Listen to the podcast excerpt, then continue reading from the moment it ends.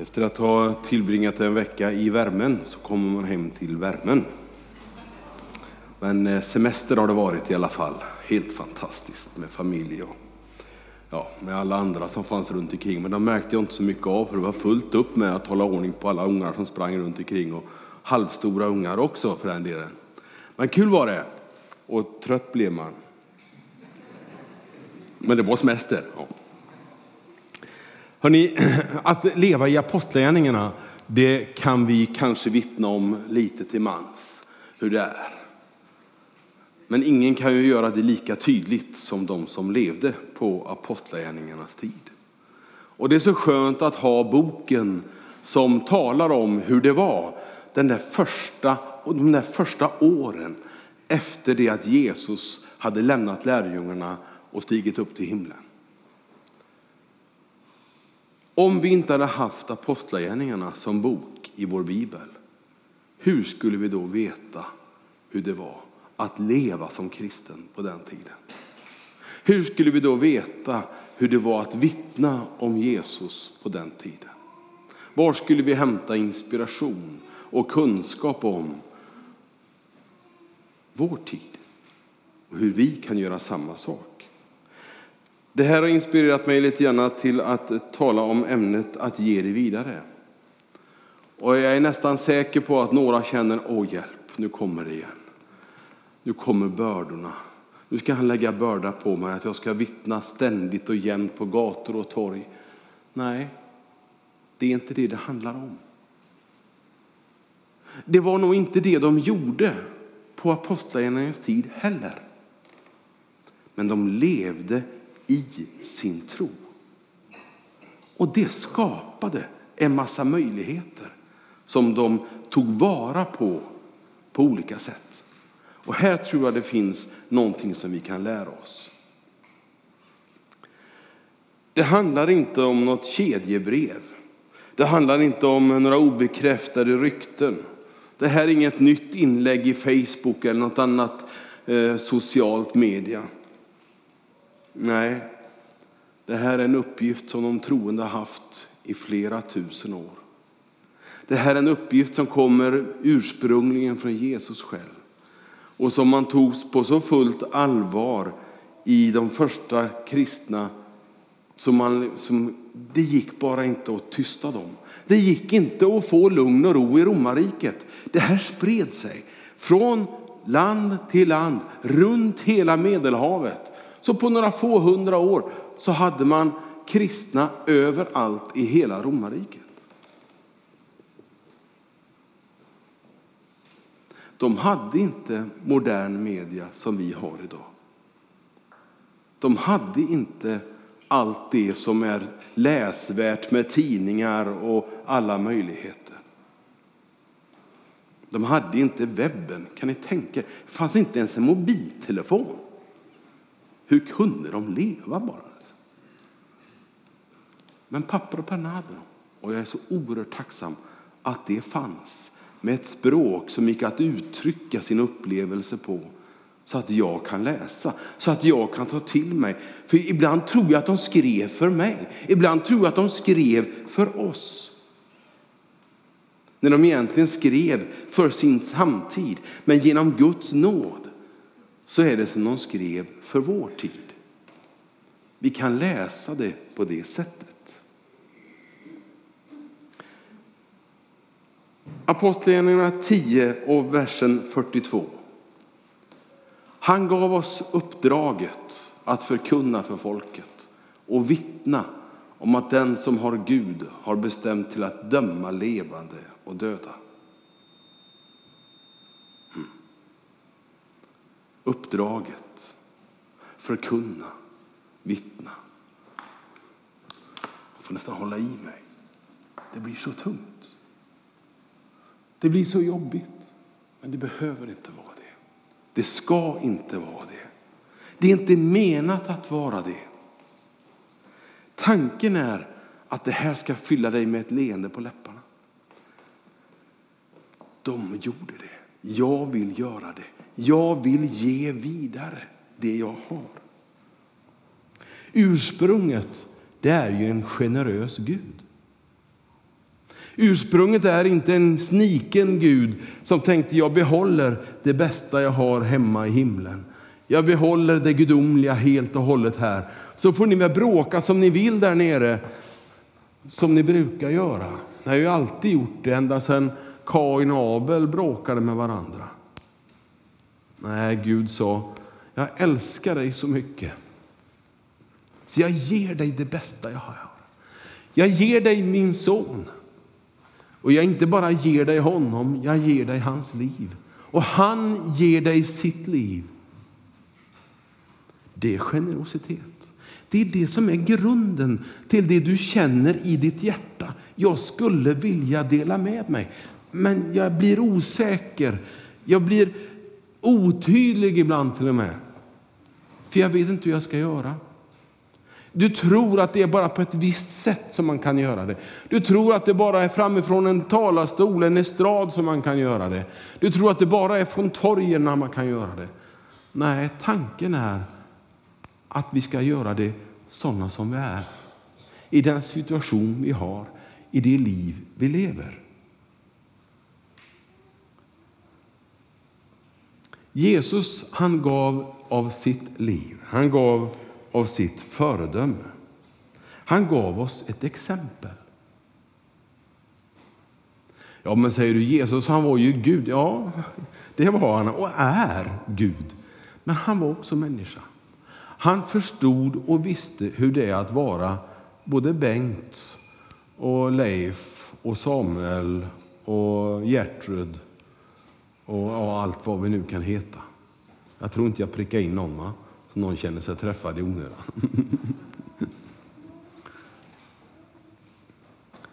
Jag skulle vilja tänka så här. Jag tror att Jesus var med från början. Och då menar jag före korset. Då menar jag när den där lilla atomen ifrån början, eller vad det nu var för någonting som det var från början. Om det nu finns något början. Jo, men det gör det väl. För jag tror att Gud är början. Jag tror att Gud är starten. Jag tror att Gud är det nödvändiga som behövs för att du och jag ska kunna leva. Jag tror att Gud är starten på allt liv. Och det känns väldigt tryggt. Om Gud gav livet från början, om det är så, då är det väl inte att undra på att hans kärlek finns där till det som han startade och att det går så djupt och så långt. Så när, när det krackelerar inifrån liksom på något sätt så säger han inte ja, ja men ni får hållas som ni är. Utan han säger okej, okay, jag ger er livet på nytt. Jag ger dig ett nytt liv. Jag ger dig en ny möjlighet. Den här gången beror det inte på dig. Den här gången ska inte du prestera någonting. Den här gången hjälper det inte ens vad du kan prestera. Den här gången kan du inte skjuta till en millimeter med din kunskap. När det gäller ditt liv, när det gäller din tro, så ska du bara lita på det han har gjort. Ska du bara lita på den där motsägelsen att hans död på korset får en betydelse rakt in i ditt liv. Jag tror ju att alla kan ge. Om Gud gav, om Jesus gav, om lärjungarna gav. Jag tror att alla kan ge. Jag tror att alla kan ge. Ja, man säger du, vad ska jag ge då? Ja, men vad har du? Jag begär ju inte att du ska ge bort en Mercedes om du har en Volvo. Jag begär inte att du ska ge bort den heller. Men förstår du? Det är liksom, jag är inte ute efter en speciell sak. Men det verkar som att, att vår ekonomi har alltid varit någonting som vi kan ge utav. En del har mycket, kan ge mycket. En del har mindre och ger lite mindre. Och för dig och mig så har det betydelse hur många nollor det kommer efter ettan. Om det är en, två, eller tre eller fyra eller vad det nu kan vara för antal i den summa som vi ger bort. Men för Gud har det ingen som helst betydelse. För Gud har betydelsen att du ger. Och att du ger med det där hjärtat, den där glädjen att få ge, den ser Gud efter. Sen är det ju så att när vi är många så blir det mycket. Och därför så behöver du inte tänka så mycket på summan som du ger. För den blir en del av totalsumman. Jag är en dålig matematiker, men, men eh, jag vet ju att eh, många plus, det blir mycket. Och det är så häftigt att tänka så. När jag kommer med min gåva så blir det en del av en jättegåva som vi gör tillsammans. Och därför så har ekonomin betydelse. Men det är ju inte bara ekonomin som har betydelse. För du har ju inte bara fått pengar, du får ju inte bara lön. Du har ju så mycket annat i ditt liv. Det finns ju de som är görhäftiga på att rita. Eller hur? Som har en konstnärsådra. De kan sy så man knappt tror det är sant. Det är så vackert. Det, det blir så läckert. Eller någon som eh, meckar med bilar. Så man, man tror inte, går det verkligen att ta isär så mycket? Kan du få ihop det igen? Ja. Och så på en kvart så är det gjort. Eller på ett halvår.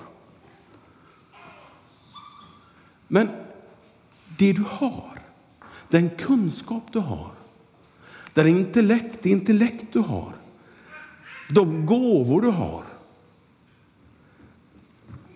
Gud bara längtar efter att få se dig komma till honom och säga Herre, jag vill ge dig mina gåvor. Jag vill ta mina gåvor och göra någonting för dig. Jag vill ta det jag är och ge till dig. Jag vill ge dig mitt hjärta, Gud. Jag vill ge allt det jag har. Jag tror att det är minst lika viktigt som att du ger av din ekonomi. Det står här i mitt papper att, att jag ska tala om tionde också. Om ekonomin, det glömde jag. Så jag måste backa lite en punkt. Och det är så att Bibeln talar om givande redan på Gamla testamentets tid. Och då fanns det en, en biblisk tanke om att var tionde vetetunna eller vad det nu var för någonting man hade vetet i, det gav man till templet. Var tionde sak som man fick på eh, skördefältet, det gav man till templet. Det gav man till Gud. Och det där följde med in i Jesu verksamhet och liv och han talar om tionde också. Och det finns någonting där som du och jag kan ta till oss. Jag vill inte säga att det här är frälsningsavgörande, för det, det är tron som är frälsningsavgörande, eller hur? Men jag tror att det finns en välsignelse i det. Jag tror att när jag ger, för jag har bestämt mig för att jag ska ge tionde. Nu lämnar jag ut mig själv lite grann, men det får ni överleva bara. Ni behöver inte göra det, bara så ni vet. Ni behöver inte räcka hand och säga nej. Utan jag, jag vill bara säga att det finns en välsignelse i att få göra det. Det finns en glädje i att få göra det. Jag har inte alltid gjort det. Men de senaste ja, x antal åren så har jag känt den glädjen i att få ge tionde till Gud. Ja, men säger du, hur ger du nu före eller efter skatt? Ja, men du, vi, vi skippar den diskussionen helt och hållet tycker jag. För det är inte det intressanta. Utan det intressanta är om jag vill ge till Gud och hur mycket jag vill ge. Och om nu Gud har lagt en, någon slags princip, en idé, så varför inte haka på den då? Om det är Gud som har gett den. Då finns det ju någonting där. Kanske det finns välsignelse som följer med ditt givande. Och då spelar det ingen roll om, om du ger tionde på veckopengen som är 100 kronor. Ja, vad får man i veckopeng nu förresten? Det är ju tomt här framme så jag vet ju inte. Vad ger ni i veckopeng? Ingenting. Förlåt? Jag hörde ändå inte, men det var någonting vettigt du sa i alla fall. Egentligen inte spelar det ingen roll, tror jag, eller talat. För det är precis samma sak där, det är säkert olika. Men även om jag får en veckopeng så kan jag ge en tionde. Och det finns, jag har varit uppe på söndagsskolan, där samlar man in varje söndag slantar. Det kommer små slantar och det kommer en annan stor slant. Och vi samlar in här, vi ger genom Swish och vi ger på alla möjliga sätt så ger vi möjlighet att ge till Guds verk. Och om du bestämmer dig för det där tionde givandet, det kanske är 5 procent till att börja med. Det kanske är 5 procent av din inkomst. Ja, men ge. Ge med glädje. Få inte samvete, utan ge. Ge så mycket som, som du känner att det här, det här stämmer med mig. Så kanske nästa år du ger 6 procent. Kanske, ni har väl hört berättelsen om Colgate-skaparen? Har ni gjort det? Han började med tionde. Han som skapade Colgate tandkräm. Och så sa han till Gud att ja, du får 10 procent och det var ju inte mycket som var i början. Men det växte ju. Så till slut så sa han att Nej, men Gud, du får 20 procent, jag klarar mig ändå. Och det där, för att göra en lång historia kort, han behöll 10 procent, resten fick Gud. Han kunde göra det. Och det var helt okej. Okay. Men du ska ge det du kan och det du vill och det du har förmåga till. Inte bara för att jag står och predikar om någonting en dag, utan det måste finnas en glädje i givandet. Det talar Bibeln om. Nu lämnar jag tiondet en liten stund och ger mig på de två punkterna jag har kvar istället. Att ge av evangeliet. Ja, vad är det då? Jag tror att själva kärnan i evangeliet handlar om att ge. Ingen lever för sig själv. Ingen blir heller kristen för sig själv. Det tror inte jag. När jag läser om tro i Bibeln så är det alltid gemenskap med någon annan. När jag läser om lärjungar så är de tillsammans med någon annan. Det finns alltid, till och med bland de första kristna, en kyrka, en församling på något sätt i bakgrunden tillsammans som de kämpade med, som de kämpade för. I själva tron så tror jag att gemenskapen bor. Mig stör det inte, jag bara säger det. Jag tycker bara det är härligt med barn. Jag tror att tron innehåller en gemenskapslängtan. När Jesus flyttar in i hjärtat, när jag blir en kristen, så blir gemenskapen viktig.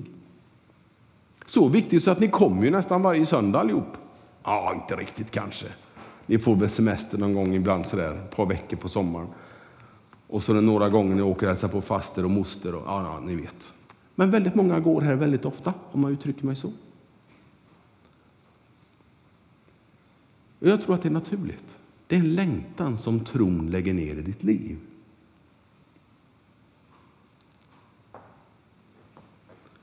Det här är gemenskap. Det här är trons följd. Jag längtar till nattvardsbordet. Jag längtar så jag på att gå sönder förra hösten. När jag inte kunde.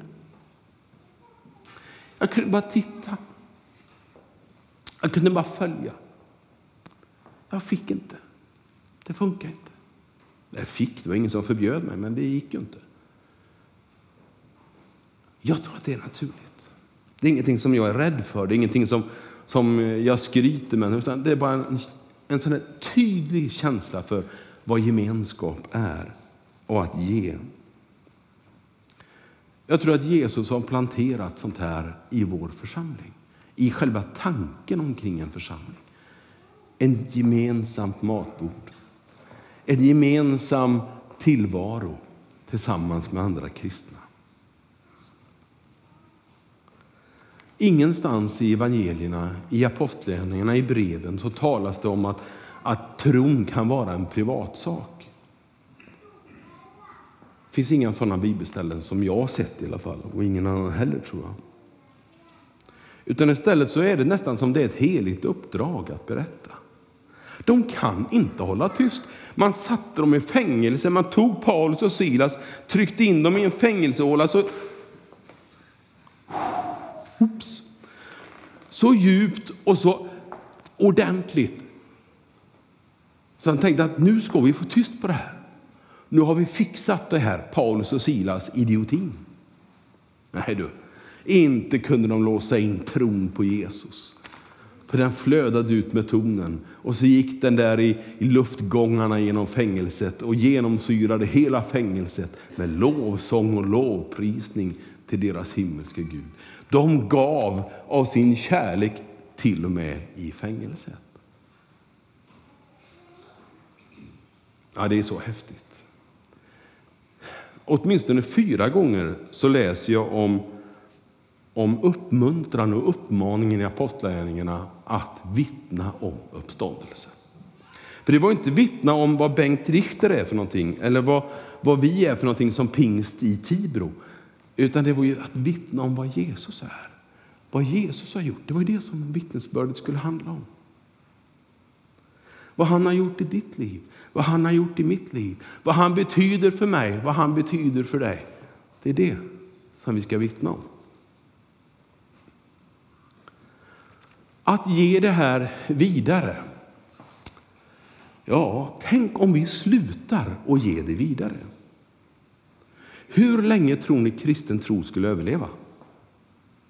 Hur länge tror du kristen tro, hur många generationer tror du kristen tro överlever? om vi inte berättar om vår tro. Kanske en generation, på sin höjd två, men aldrig tre generationer. Det tror jag inte. Utan sen dör det ut. Sen är det borta. Och mänskligheten är kanske den viktigaste delen fattigare.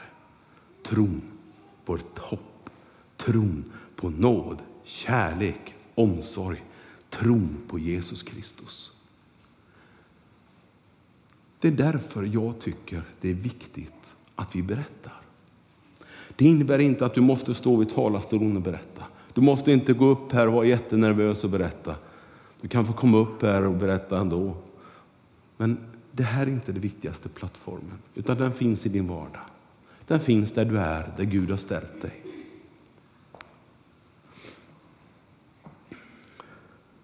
Jag tänkte på vår församling lite grann.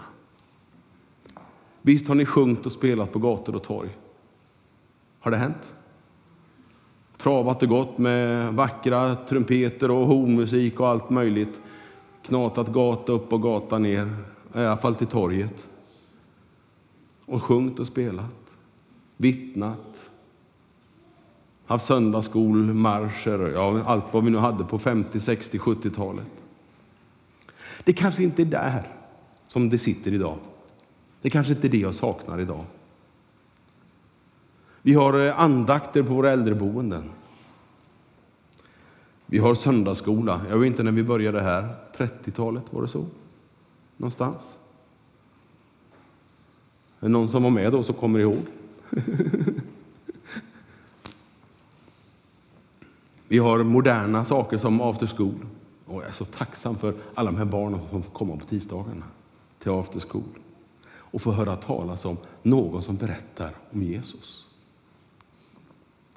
Unite med ungdomarna. Där någon berättar, jag tror på Jesus. Och det är görhäftigt. Där någon undervisar från Bibeln och säger att det här är livet. Livet är inte håll igång, livet är Jesus.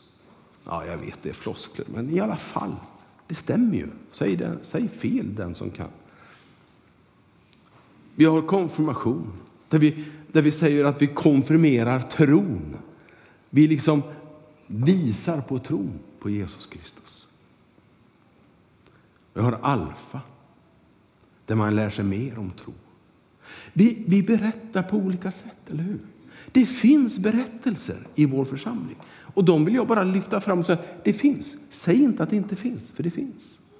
Och ändå så säger jag att det fanns mer. Att det blir naturligt för dig och mig att i vår vardag berätta om Jesus. Kanske inte varje vardag, kanske inte varje lunchrast. Du behöver inte ställa dig på lunchbordet och, och hålla en predikan. Det, det handlar inte om det. Men det handlar om när du får tillfället. När du ber din bön, bed Herre ge mig ett tillfälle. Då kan du inte låta bli.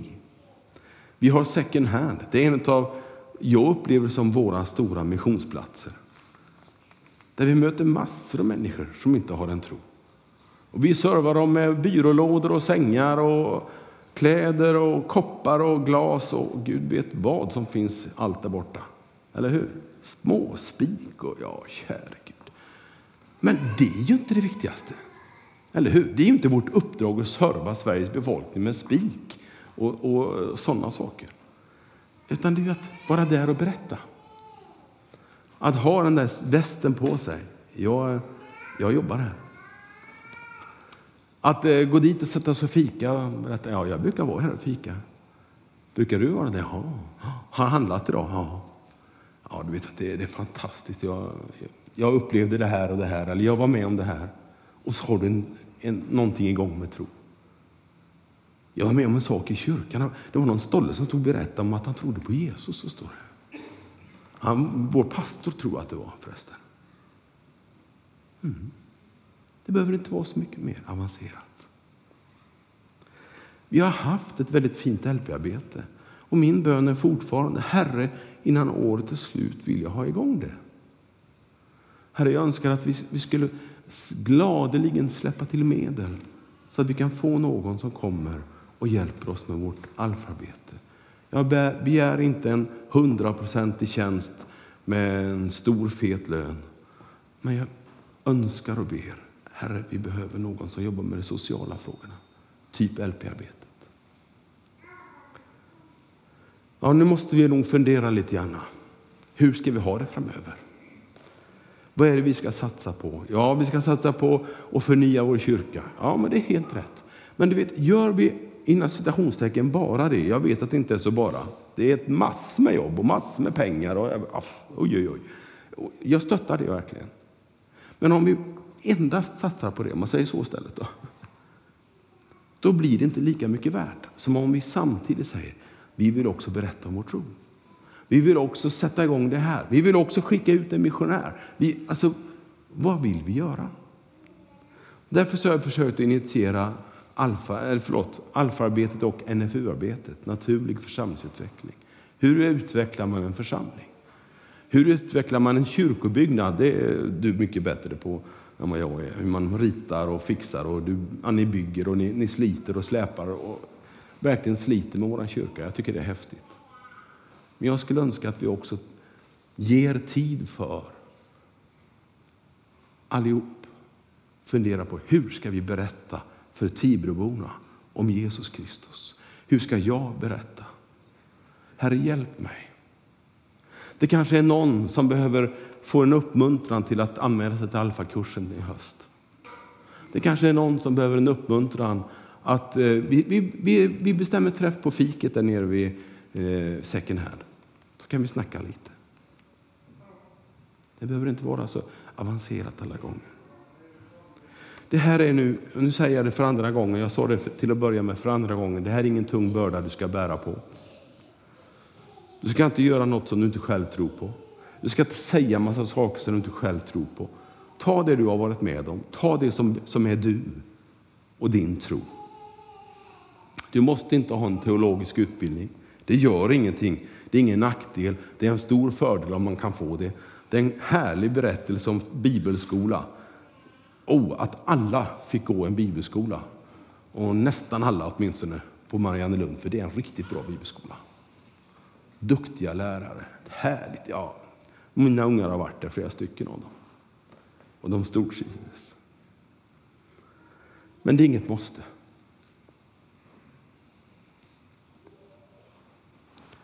Så nu skulle jag vilja be till Gud tillsammans med dig som avslutning. Och när vi nu går över i, i, i den delen av vår gudstjänst. Vi ska strax få lyssna till mer av dagen, med sång och musik. Men vi ska också få fira nattvard tillsammans. Och jag vill ge dig en möjlighet att även få uppleva att få förbön. Någon kommer att stå här på min högra sida någon kommer att stå borta vid ljusbäraren. Där finns det ljus du kan tända. Och du kan också be Katrin att be tillsammans med mig. Och hon ber en bön tillsammans med dig för någonting som du själv vill. Den fördelen vill jag ge dig den här söndagen. Och jag skulle önska att vi tog det. För säg den som inte har behov, när jag har predikat om att, att, eh, att ge evangeliet vidare. Säg den som inte blir lite nervös då. En förbön skulle vara bra. Tänk om Robban har varit här. Han hade stått främst. Eller hur? Han vill alltid ha förbön. När man än möter dem så, be en bön för mig. Och jag tycker det är så gött. Det är så självklart läckert och naturligt. Ja, skulle det bli allihopa nu så får vi fixa något kösystem, men det löser vi då. Eh, välkommen att be tillsammans. Välkommen att fira nattvard tillsammans. Välkommen att ge en stund åt Gud i avslutningen av vår gudstjänst.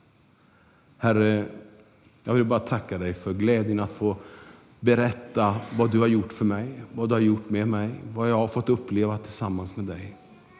Herre, tack för glädjen att få berätta vad lärjungarna, vad Petrus fick uppleva. För det är hans vittnesbörd vi har läst. Herre, jag tackar dig och ber att vi skulle bli eh, ännu mer frigjorda, fria ifrån det som gör att vi kanske inte alltid vågar berätta. För det är ju världens bästa grej. Herre, du har ju gett oss det bästa av det bästas bästa att berätta för andra om.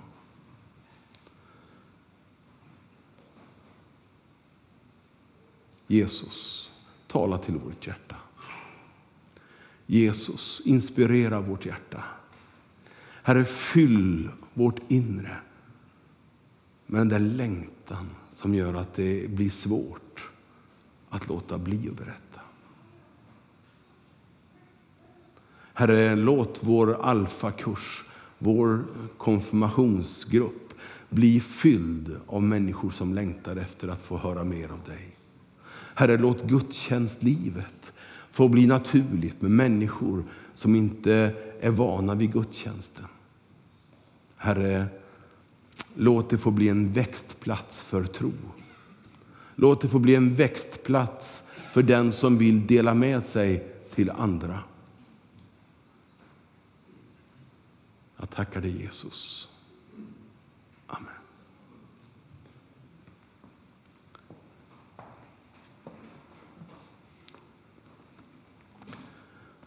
Så gör vi oss i ordning för att fira nattvard tillsammans. Och nu så kommer det finnas möjlighet till förbön både där vid ljusbäraren och här vid dopgraven. Varsågoda.